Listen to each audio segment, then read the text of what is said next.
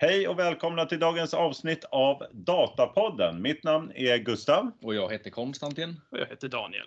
Daniel, välkommen tillbaka. Du var här för förra avsnittet. Ja, det var jag. Och sen ett par i somras också. Du har varit med många gånger. Börjar bli lite som en del, en möbel här i Ja, kontoret. passar in väldigt fint. eh, vi har tre intressanta artiklar idag. Lite Microsoft-nyheter och lite kring datakultur igen då. Så vi kör väl på på en gång. Det, jag har äran att börja. Eh, så jag sätter igång på en gång. Och det, är, det jag tänkte prata om här det är ett, eh, en artikel ur Power BI-bloggen som kom 19 september. En nyhet då som kommer till Power BI. Rubriken är User Culture DAX Function now supported in Power BI Premium. Och här beskriver de i artikeln att de har ju många kunder som har, är mångspråkiga. Så att eh, kunden har liksom behov av rapporter och visualiseringar på flera olika språk. Eh, så det här är ett eh, pågående eh, utmaning att få till det, att bli snyggt så att man kan få snygga rapporter på det sättet. Eh, och man har tidigare släppt den här funktionen Metadata Translation som man har tillsatt tidigare då. Och eh, för att kunna översätta kolumner och tabellnamn och mätetal och så vidare i sina Power BI-rapporter. Men nu kommer nästa steg då. Och då är det den här funktionen då i DAX, User Culture. Och den kommer göras tillgänglig nu till att börja med i Power BI Premium. De vågar inte säga när det kommer till Power BI Pro och de andra eh, möjligheterna inom Power BI. Men eh, Premium först. Och vad eh, gör den här User Culture då kan man fråga sig då. Och då beskriver de det också då i artikeln att eh, den, eh, den här user culture, det är liksom en liten funktion i DAX som gör att man kan få tillgång till kulturkoden, som de kallar det, eh, som eh, användaren har satt upp. Eh, och, eh, och det, default är att den följer då vad, vad användaren har i sitt eh, operativsystem eller i webbläsaren som de använder för att utnyttja Power BI. Då. Och, och den stöds av de språken som finns inom Power BI.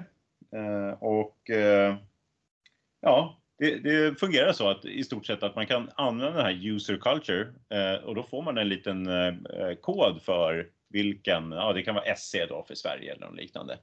Och då kan man bygga då eh, i rapporten till exempel, ja, formatera datum och sen så, så tar man och kallar på den här user culture och då blir ju rapporten då dynamisk. Så att eh, är det en eh, svensktalande som tittar i rapporten så kommer det stå eh, Eh, ett svenskt datum. Och så är det en eh, engelsk, engelsktalande så kommer det vara ett engelskt eh, formul, format på datumet. Men sen kan man göra sina egna då, funktioner på det här också då. Och att, att man kan bygga till exempel rubriksättningar och så vidare och hela tiden utgå ifrån eh, kundens då, Eh, user culture. Då. Eh, ja, det var egentligen en ganska liten och naggande god. Eh, Men väldigt efterlängtad kan jag tänka mig. Ja, det tror jag också. Daniel, du vill ju ha med den här specifikt ja. nu, när vi, nu när du skulle vara med och prata eh, Lakehouse också. Men eh, var, varför vill du ha med den här i podden? Jag skulle säga det först och främst när jag hörde den här nyheten. Jag sprang runt här på kontoret och skrek till alla bara, åh, titta vilken, alltså det finns nu. Det här är så, så bra liksom. Jag vet inte hur många projekt jag var i där man sitter och bara, men den här texten som står på i den här sidan i Power BI-rapporten. Jag vill ha den på svenska om en svensk tittar på den och jag vill ha den på finska om det är någon från Finland som tittar på den. Mm. Och det har man inte riktigt kunnat gjort. Man har varit tvungen liksom, ja, men nu måste jag ha en egen sida, en egen rapport för de olika länderna. Men, liksom, men möjligheten att kunna översätta alla mätetal och liksom ha både mätetalen och metadatat översatt. Eh, öppnar upp för så mycket möjligheter för hur man kan översätta saker i sina rapporter. Eh, det är inte fullt ut, det löser inte alla problem som med vilka liksom kunna översätta värdena i kolumner och eh, liknande. Men man kan göra mycket för att se till att eh, så mycket som möjligt av ens rapportsidor blir översatta. Mm. Eh, sen vet jag att det stod lite om man kan använda det tillsammans med så här field parameters, vilket var en annan ny funktion som kom här för typ ett halvår sedan där man kan givet eh, parameterval på en sida välja vilka kolumner man ska visa. Så man kan välja vilka kolumner och då kan man ha så här, det här är svenska kolumnen tillsammans med att man översätter värdena på mätetalen eh, och att man kan ha översättningar på all metadata runt mätetalen och att det är liksom live-kopplat till inställningen man har i sin rapport. Eh, öppna upp för så mycket möjligheter. Eh, att kunna ha liksom landspecifika rapporter. Mm. Det känns som det är extra speciellt då för eh, bolag som vill göra rapporter tillgängliga för externa användare.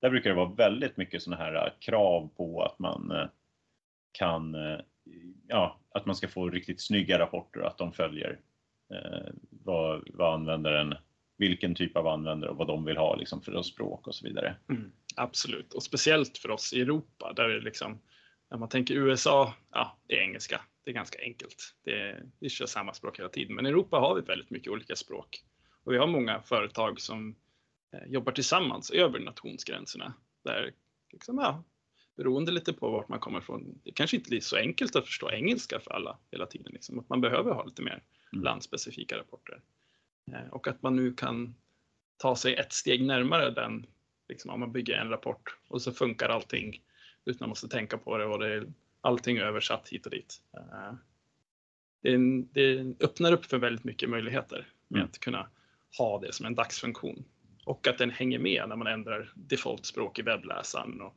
eller rakt i Power BI. Det är väldigt trevligt. Vad har varit workarounden då? Innan den här funktionen? Vad har man varit tvungen att göra istället? Det har ju egentligen varit flera olika rapporter.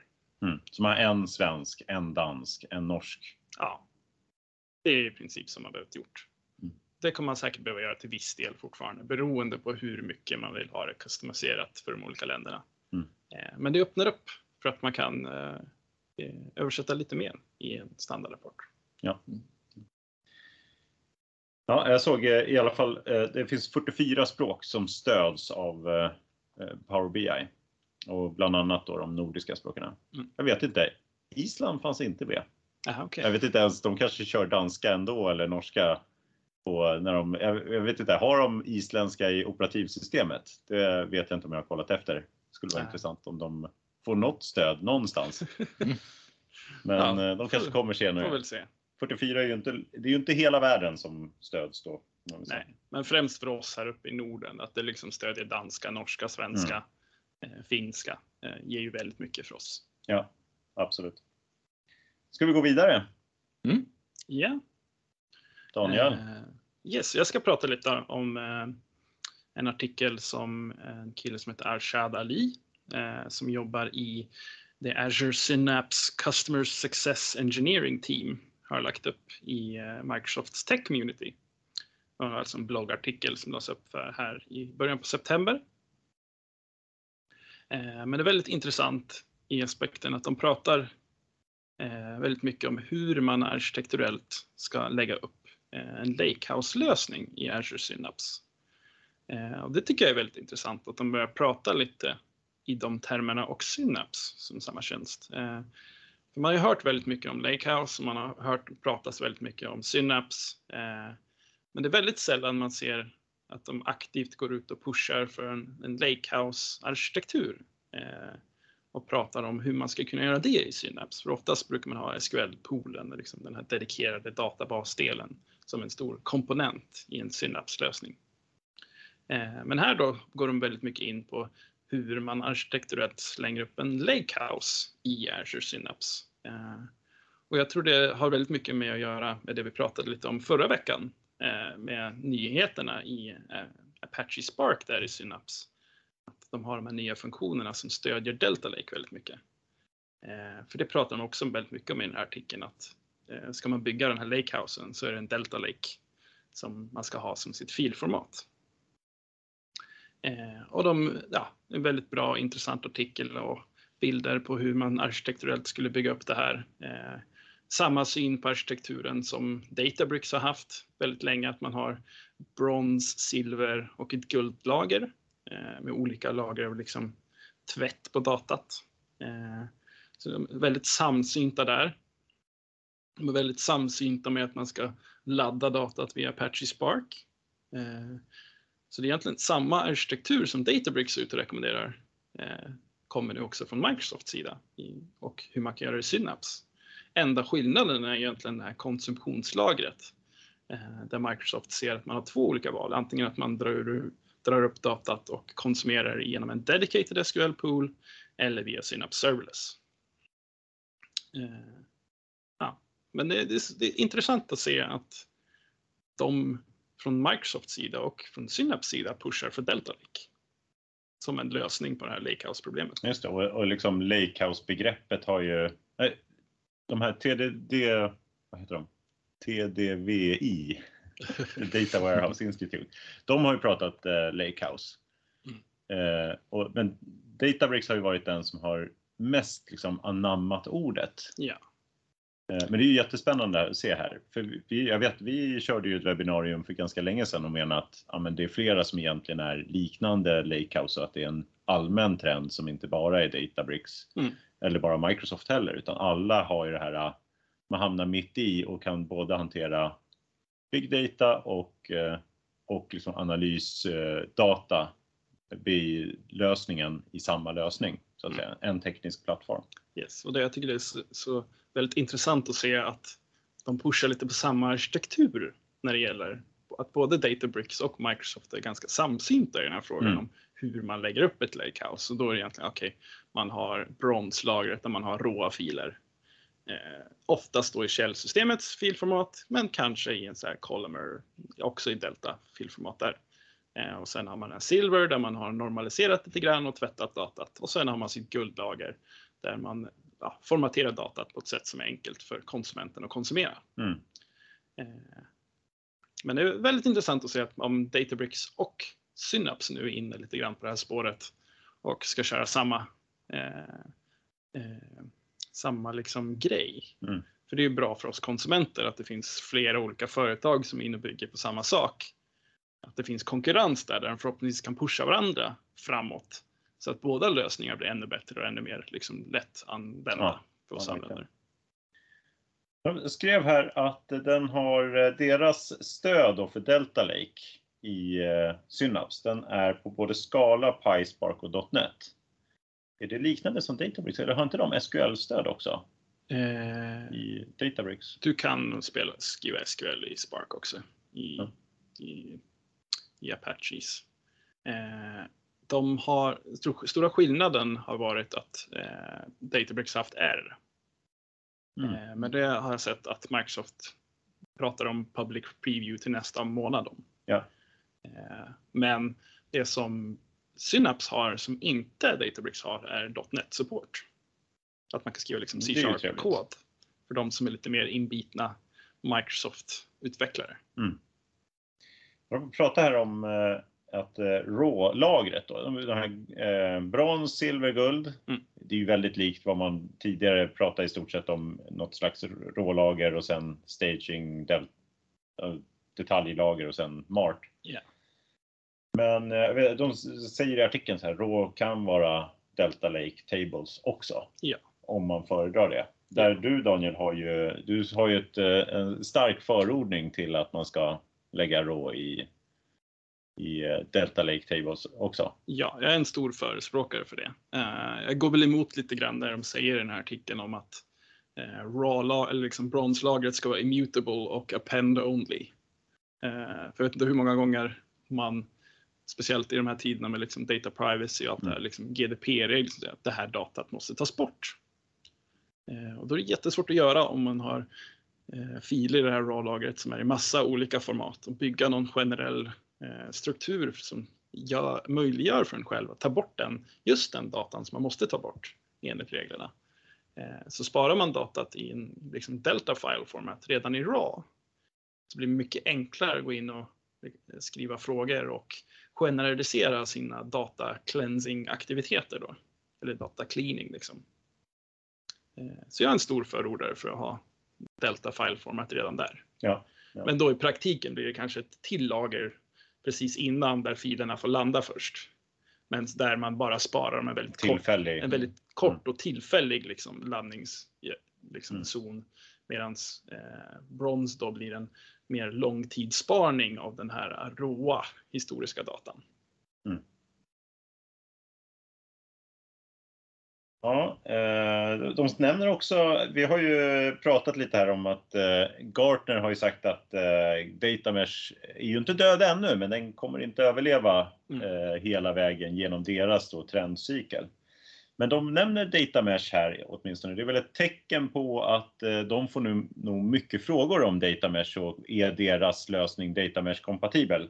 Ja. Det har de ju en liten del i artikeln som, eh, som säger att den är Datamesh kompatibel.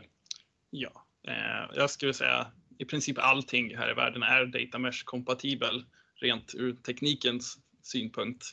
Eh, man kan bygga data mesh i lite vilka lösningar man vill. Sen är det kanske olika svårt i olika grejer. Data mesh är ju mer av en organisatorisk förändring i hur man delar upp det och liksom att man delar upp så att alla bygger sina egna små eh, Mm. öar med data. Eh, så absolut, det går. Mm. Eh, kan man nog göra med vilken lösning som helst. Det är skönt. Daniel. Jag hade tänkt att fråga vad är inte Datamesh kompatibel? Men du svarade innan till och med. Så att, Ja. Du kan ha jättemycket olika små databaser på en on-prem burk med 17 VMar där du har där alla sitter och jobbar på sin egna liksom, Ja. del. Så det, det går ju att göra i gamla lösningar också. ja, ja, absolut. Frågan är mer av en organisatorisk svårighet Mm. i mina ögon. Liksom hitta tillräckligt mycket människor som kan jobba tillsammans och Mm. dela upp det sådär. Men de lägger också in lite brasklappar där tycker jag i, i när de pratar om Datamesh och att det kanske inte är för alla. Lite grann sådär. Nej exakt, Så det, säger ganska, väldigt det tycker jag ändå är lite moget att eh, det börjar bli en mogen syn på Datamesh också här. Att ja, men det är om du har en väldigt komplex organisation. Exakt, och det gillar jag också att de skriver liksom att Ja. data mesh kommer säkert funka jättebra om det är en större organisation med Mm. mer komplexitet där det måste delas upp. Eh, vill säga, majoriteten av företag, speciellt här i Sverige, är ju lite för små Mm. För att det ska börja bli aktuellt. Liksom. Men Jag ska säga att man vill ha ett BI-team på kanske 15-20 pers innan man teoretiskt kan dela upp Mm. sitt team i flera olika eh, avdelningar. Ha den här lilla redundansen mellan människor och eh, kunskaper när någon person slutar. Men det är också ett tecken på att en Datamesh eh, är ju inte dött ännu också. Att de, måste, att de behöver eh, approchera den här frågan i, Absolut. i den här artikeln. Den är väldigt eh, uppe på kartan och väldigt intressant organisatorisk lösning på en svårighet som finns i Mm. liksom, BI-världar. Att bli eh, vi tekniker sitter på våran lilla, eh, våran lilla kammare och ska försöka ha koll på allting. Eh, så Mm. den, den är absolut intressant. Eh, jag tror den kommer leva vidare ett antal år och jag Mm. tror den kommer fungera jättebra på vissa företag och fungera jättedåligt på andra företag. Den här, eh, eh, det var ju bara för ett par veckor sedan när vi pratade om att Delta Lake, det fanns stöd för att man skulle kunna jobba både i eh, Spark, Synapse Spark och serverless. Va? Yes. Att det liksom gick att hantera och, och synka mellan de två instanserna då av Synapse. Eh, Det, är väl antagligen därför den här artikeln kommer. Men skulle säga, är, det, är Delta Lake här tekniken som de har anammat? Är den liksom nödvändig för att överhuvudtaget bygga Lakehouse enligt den här modellen? Den är absolut inte nödvändig, men den ger dig så mycket gratis så att det nästan eh, man så, det skulle vara så svårt att bygga alla laddningar utan att använda Delta Lake. För om man tänker sig hur det var tidigare, man hade parkettfiler, en sån här Collimer fil typ. Eh, ska du uppdatera en rad? Så här man bygger sin logik. Ja, men oj, en rad som är fel eh, historiskt sett så man behöver skapa en helt ny fil. Eh, ta ut all data och skriva ner all data på nytt till en ny fil. Mm. Och för, hoppas då att ingenting smäller mitt i så att oj, nu försvann min källfil, men min nya fil hann jag inte byta namn på tillräckligt snabbt och sen när den ska konsumera, det finns ingenting där just nu. Eh, Delta Leak-filformatet gör ju så mycket i att man, man har den här transaktionssäkerheten och man kan historiskt gå bak i tiden och så ut hur data såg ut vid ett visst datum. Och, eh, man får så mycket gratis eh, som jag tror att det behövs i en sån här lösning för att folk ska känna sig liksom att det är moget nog för att anamma. Eh, för det har varit så himla mycket strul med eh, okej, man bygger hela min lake i bara CSV-filer. Det är svårt att ko- konsumera som konsument. Ja, då lägger man hellre i databasen eller tar stöd av Databricks då för att, eh, för att göra de här eh, tidigare då. De här, eh, Men det Ja, hade väl också varit just att, att ett tabellformat man använder. Det finns ju alternativ som Iceberg eh, som exempel. Men det, det är bara Delta Lake som stöds här av i Azure. Nej, alltså det finns. Eh, du kan ju ha CSV-filer, du kan ju ha JSON. Men om man tänker på de här tabellformaten som finns. Jag vet jag, bara- jag har sett någon artikel där det har varit Microsoft har i alla fall kommenterat Iceberg. Jag får nästan kolla efter det. Det är lite intressant att se vad de, hur de tänker kring Iceberg också. Jag, vet Mm. att de, jag såg någonting kring eh, query-kapaciteten i Iceberg som, som Men Microsoft- nej, Iceberg stöds inte i Synapse. Ens, så jag får se. Jag vet att Snowflake kör väl ganska hårt på den. Har jag läst någonting. Mm. Ja. Men jag har inte riktigt koll på exakt skillnaden i det där formatet. Det finns ju lite andra filformat som också har rullat omkring som Ork och Avro Och så eh, och Parkett. Hoodie finns ju också. Det är också ett annat sånt här tabellformat. Har jag ingen koll på. Eh, Men eh, Microsoft blir ju mindre beroende nu av Databricks får man väl säga, eller? Är det konsekvensen här? Absolut. Eh, De konkurrerar ju ganska hårt med Databricks i det här läget nu. Mm. Eh, Synapse och Databricks har ju väldigt, de går väldigt mot, mycket rakt eh, emot varandra och börjar ha samma lösningar i båda verktygen. Eh, Till exempel att Databricks släppte sin SQL Serverless-tjänst i preview för att konkurrera med Synapse Serverless. Den har sin Databricks SQL-lösning eh, som är väldigt mycket som SQL-poolen. Eh, lite underliggande teknologier som är annorlunda, men det är väldigt mycket att båda stödjer samma sak, Mm. vilket jag tycker är jättebra. Är det mer att Databricks gör någonting först, Microsoft hakar på? Eller finns det några exempel på det är tvärtom? Jag skulle vilja säga i Lake-tänket så har väl Databricks varit pionjärer liksom och eh, jobbat hårt med Apache och eh, implementera de här open source-verktygen som Delta Lake är. Eh, så de är, ju- har ju alltid varit först när det gäller själva Lake-delen av ett Lakehouse. Sen har väl Synapse, eh, ligger väl lite före i just den här dedicated kapaciteten än vad någonting, liksom någon lösning man kan bygga i Databricks är. Så de kommer ju lite från lite olika håll Mm. och har ju sina lilla specialiteter. Eh, men nu börjar de trycka sig in i den andra specialitet och göra den också. Eh, så jag tycker bara det är en bra framtid för alla oss som vill konsumera data. Att det finns konkurrenter eh, som alla är bra. Mm. Som man kan lösa saker i. Så man kan, man kan byta fram och tillbaks. Mm. Givet saker som händer. Finns det några exempel där eh, ni skulle utgå ifrån liksom att man inte utgår från ett Lakehouse-tänk om man bygger en ny lösning idag? Jag skulle väl säga det, är- det är fortfarande eh, inte helt optimalt att köra bara Lakehouse ur kost, kostnadsperspektiv. Eh, kan vara ganska dyrt att köra Spark-kluster om man håller på att ladda om väldigt mycket data väldigt ofta och ska göra stora avancerade transformeringar. Eh, för de har inte de här liksom enkla, simpla features som index som man kan ha i databaser. Mm. Eh, så det, det är en avvägning. Jag tycker det, alla stora moderna dataplattformar borde ha någon form av lakehouse. Sen kan man ha andra typer av saker på toppen som att ha, man kan ha en liten Azure SQL-databas eh, för att ha som ett litet data warehouse på toppen också för vissa eh, användningsområden. Men det är jättebra att ha en lakehouse eller en avancerad lake eller vad man ska säga som grund och botten. För då kan man, okej, vi tar in allting där och vi kan göra vissa analyser och vissa transformeringar där i lakehouse-delen. Eh, Men sen kanske lite mer standardiserade rapporter där folk håller på ja, vill gå direkt från Power BI eller något rapportverktyg eller någonting att, att gå Mm. mot en databas är fortfarande väldigt intressant och Mm. kan vara bra ur en kostnadsperspektiv också. Ja. ja, annars är det väl om man har big data så är det störst nytta att gå Lakehouse, för då kan man liksom ha en och samma lösning för, för allt. Ja, eh, ska fortfarande säga att det finns möjlighet att ha eh, lite olika marts och grejer i olika verktyg på toppen Mm. eh, beroende på ens användningsområde där. Eh, men att, att ha en lakehouse i botten. Sen vill jag inte sätta någon sån minimigräns på hur mycket data man ska ha för att det blir Nej. värdefullt. Det beror, det beror mycket på hur man vill använda det. Mm. Eh, Men jag skulle nog ha svårt att rekommendera lösning, en lösning utan någon form av Delta Lake i, i botten Mm. nu för tiden. Om den av, är av en viss storlek och komplexitet i alla fall.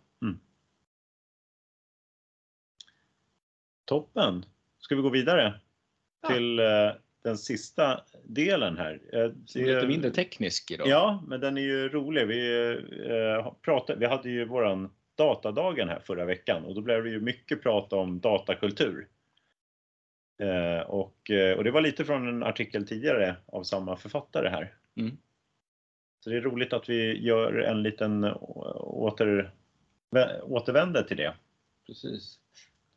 Och eh, ja, så ett, ett, ett buzzword som jag också tycker jag hör allt oftare.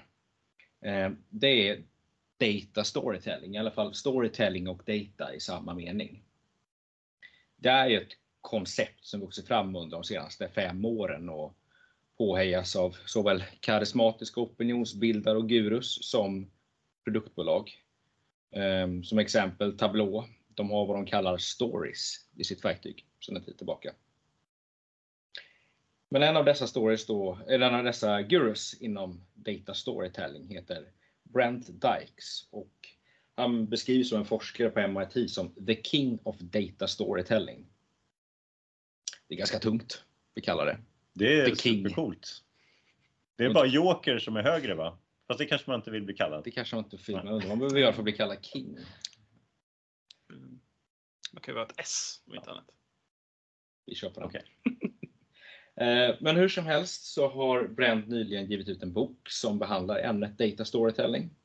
Och nu i dagarna så publicerar han en artikel som sammanfattar vad storytelling är och vad det inte är. Jag känner redan nu en överhängande risk att Datapodden går övergå till filosofiska rummet här. Men vi ska försöka hålla oss kvar här tänker jag. Så vad är då Data Storytelling? Och enkelt sammanfattat är det när de tre delarna data, visuell presentation och narrativ kombineras. Eh, data är ju såklart grunden. Ett narrativ sätter sammanhanget och utgör strukturen i storyn. Vad som ska visas och i vilken ordning. Så att, att bara presentera data som ett lösryckt nyckeltal för att påvisa ett narrativ är inte en, det är inte en data story utan det är bara en story menar, menar Brent. Då. Den visuella delen med grafer och diagram är själva scenen och där egentligen liksom, det är den materiella delen. Eh, jag försökte tänka mig om man drar en analogi till en bok så är datat innehållet i berättelsen som karaktärsdrag och miljöbeskrivningar. Narrativet är själva historien och grafer och diagram är ord och själva boken. Som eh, Brent sammanfattade då eh, sa han att data storytelling är a, per, a persuasive structured approach for communicating insights using narrative elements and explanatory visuals to inform decisions and drive change. Så där har vi kopplingen också då till datakultur. Att man får informationen, man får insikterna och man tar vidare och driver förändring då och tar på det. Men rent konkret så eh, blir det en presentation där man samtidigt berättar en historia om ett skeende eller hur man har kommit till en insikt och samtidigt visar grafer och diagram som påvisar det man säger. Det behöver inte vara muntlig framställan, det kan också vara nedskriven presentation som ibland man ser i vissa tidningar. Eh, en, en annan på data storytelling som jag liksom kom på när jag satt och funderade lite grann eh, som kanske var lite som lite expert redan innan begrepp uppfunnen. Det är Hans Rosling med sina bubbeldiagram och, och minnesvärda föreläsningar. Men då återstår ju den sista frågan vad är inte storytelling? Och det är lite som vi var inne på tidigare då att när man eh, tar vissa av de här delarna då lösryckt, till exempel en eh, man har liksom bara en dashboard eller beskriv, har lite beskrivande kommentarer till någonting så är det inte en storytelling. Eh, utan det är när man kombinerar de tre, data, visuella element och narrativ. Men sen nämner också Brent då lite grann här, hur, hur kommer man igång med det här? Och jag kan rekommendera att ladda ner ett cheat sheet från Brent Dykes hemsida. Och här får man lite hjälp med principer och eh, the storytelling arc. Det vill säga att man börjar med en bakgrund där man sätter vad man kallar en hook. Och sen presenterar man ett antal insikter för att slutligen landa i en aha-upplevelse. Och därefter tittar man på möjlig lösning eller nästa steg. Mm. Använder ni data storytelling? Gör ni detta? Eh, ja, men Kanske det, det omedvetet. tror jag. Kanske lite grann ibland eh, att man försöker. Eh, men jag tycker det är bra att han eh, tydliggör det här. Han, han säger det att eh, det utgår ifrån, liksom begreppet kommer ifrån det här att eh, får man reda på en massa statistik så tar man inte och tar till sig det. Eller det hör man bara. Utan, men däremot det här med om du har en historia. Våra hjärnor är liksom, de agerar på historier. Så då, då känner du liksom det som sägs Mm. istället för att bara höra det. Och det, och, och det har man ju gjort liksom massa undersökningar på och det visar på att det är då du tar till dig information och kan börja agera ut efter den informationen som är given. Så det är det man vill uppnå, det här är just att varför har man det? Men det är för att du vill påverka och få Mm. folk att eh, förändra sitt beteende. Eh, Det är väl egentligen huvudsyftet här med data storytelling. Jag tycker ändå när man ser den här artik- artikeln också så säger ju någonting också om vad data storytelling inte är. Mm. För att det är ju, alltså hur kan du ha data storytelling om du inte har ett syfte? Han säger Nej, det själv precis. också att ja, men explorativ analys, det är inte, då behöver du inte ha storytelling. Nej. Och du behöver ju inte ha eh, storytelling när du eh, ska liksom bara hålla koll på dina mätetal. Mm. För det handlar ju om kontroll eller liksom att eh, följa och se avvikelser om någonting dyker upp. Utan det här är ju för att göra en strategisk förändring eller vi ser att det här kan göra så att vi blir bättre på någonting. Så det är ju när man hittar någon sån här möjlighet och när man ska presentera den så ska Mm. man använda data storytelling.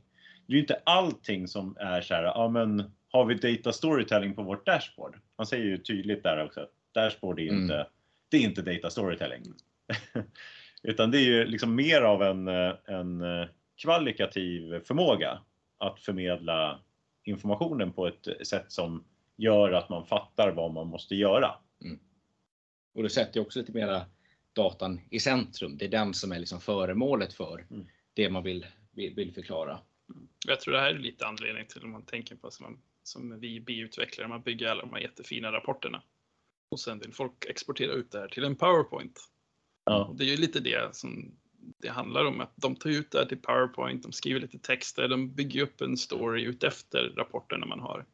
Eh, och det är här jag tycker rapportverktyg ligger ju lite, ja, det är svårt att göra det. Jag vet att eh, Power BI har ju försökt med deras, så vad heter de, eh, ja, Quick Intelligence eller vad nu den heter. Mm. Att skriva en text som förklarar datat bredvid datat för att få in den här lite mer berättande eh, grejen runt informationen. Eh, här kan man ju tänka, ja, det här nya featuren som vi pratade om tidigare med Power BI för att kunna översätta olika saker i olika språk kan ju medföra en, en, en hjälp till, liksom, ja men här kan jag förklara datat Mm. på ett språk som funkar för konsumenten. Eh, så det, det, jag tror definitivt det är någonting som man kan jobba på eh, för att ha med i våra verktyg lite mer. Det, men det är som sagt det är väldigt svårt att göra på ett automatiserat sätt. Ja, Mm. ja Oftast så verkligen. krävs det att någon faktiskt tittar på datat och okej, eh, så här kan jag förklara det här på ett sätt som funkar på mitt företag och för mina kollegor. Eh, Så det kanske är ett jobb i framtiden att man har några som eh, drar ut rapporterna varje morgon och skriver en berättelse över det innan det skickas ut till cheferna eller någonting sånt. Nej, för det är väl eh, lite grann här vad man säger också att self-service räcker ju inte. Utan Mm. sen måste du ju agera på det. Och då är storytelling ett, ett sätt att göra det på. Ja. Men det blir inte lika bundet till verktyget, eller egentligen. Utan det måste, då måste du ha någon som kan berätta en story också. Datat och verktyget kommer ju aldrig göra det hela vägen.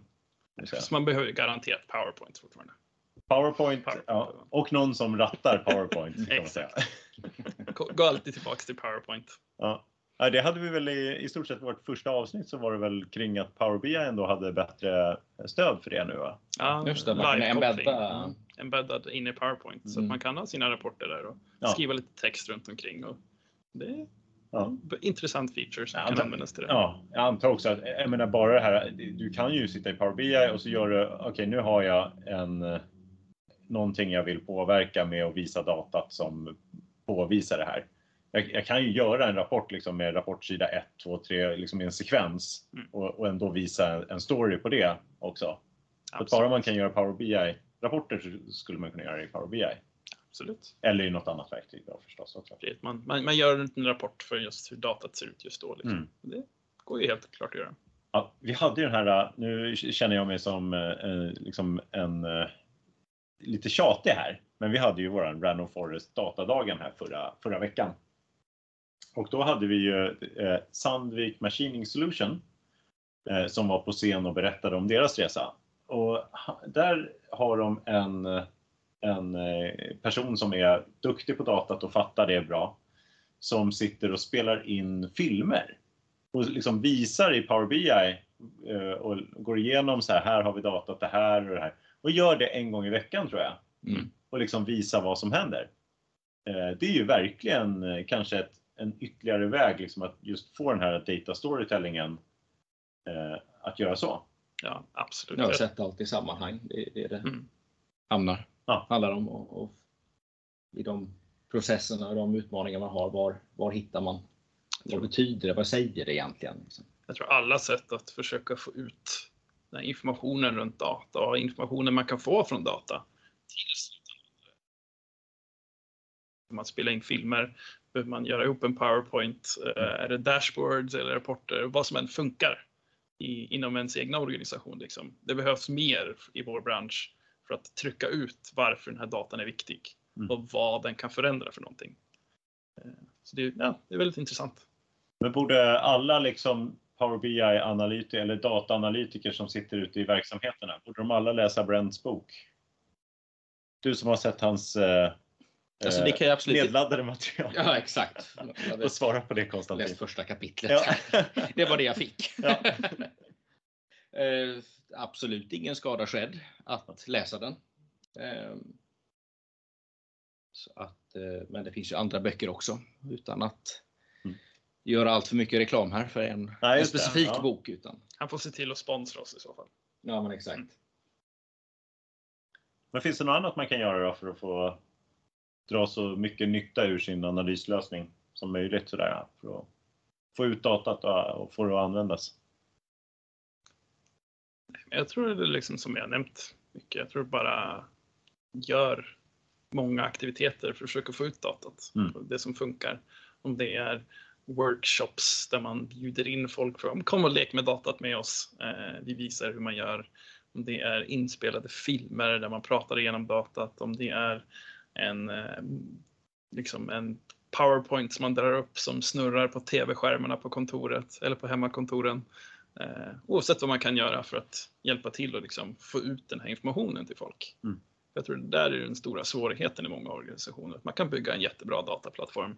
Man kan bygga jättefina rapporter. Men om folk inte förstår hur, de, liksom, hur man ska konsumera de rapporterna och styrkan och vad man kan göra med all, all den här Mm. informationen som man sitter på som företag. Men det är ofta så tvåvägsriktat det där också. Att om de är delaktiga, verksamheten är delaktiga från början väldigt Mm. mycket så kan det också styras till ett sätt som eh, blir mer fördelaktigt för dem. Absolut. Men eh, det är en utmaning om man har en sån här jätteorganisation. Då, då kanske man inte kan ta in synpunkter från precis alla. Nej, absolut. Jag, jag tror det är, så det är, liksom, det är som, som du säger, det är en tvåvägs...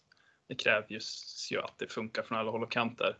Men oftast är det ju vi som datamänniskor som vet vad möjligheterna är och kan hjälpa dem att förstå hur viktigt det är med den här informationen. Mm. Eh, För har, har man ingen förståelse för liksom grundläggande aktiviteter och liksom analyser man kan göra på den här informationen så hittar man inte vidare för att hitta de här spännande sakerna som faktiskt kan hända när folk som förstår businessen och folk som förstår hur man kan titta på datat om businessen faktiskt jobbar tillsammans eh, och presenterar den här informationen. Det är då det, är då det blir bra. Liksom. Men den här storytellingen är väl framförallt för verksamhetsfolk? Va? För det är de som förstår vad storyn är och, och har, liksom vill driva någonting också. Exakt, det är väldigt svårt för oss som liksom bygger dataplattformar att kunna sätta ihop den här storyn. Så det, det blir nog en kollo, eh, liksom kollaborativt Ja. eh, arbete att göra. Kan man bli för bra på data storytelling så man får igenom saker för att man är bäst på att eh, eh, prata om dem trots att det finns viktigare saker i organisationen? Absolut. Det är väl som allt här i världen. Den som pratar högst och bäst, det är den man lyssnar på. Och den som zoomar in tillräckligt på diagrammen.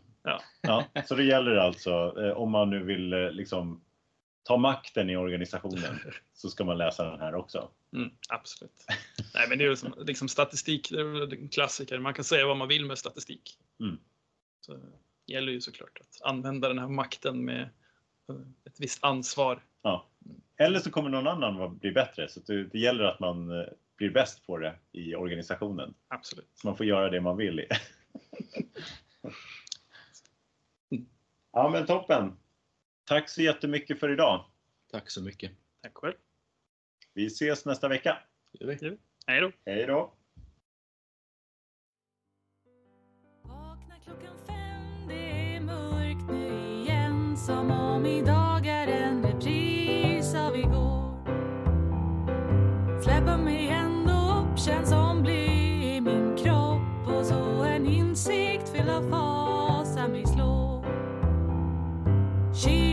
turn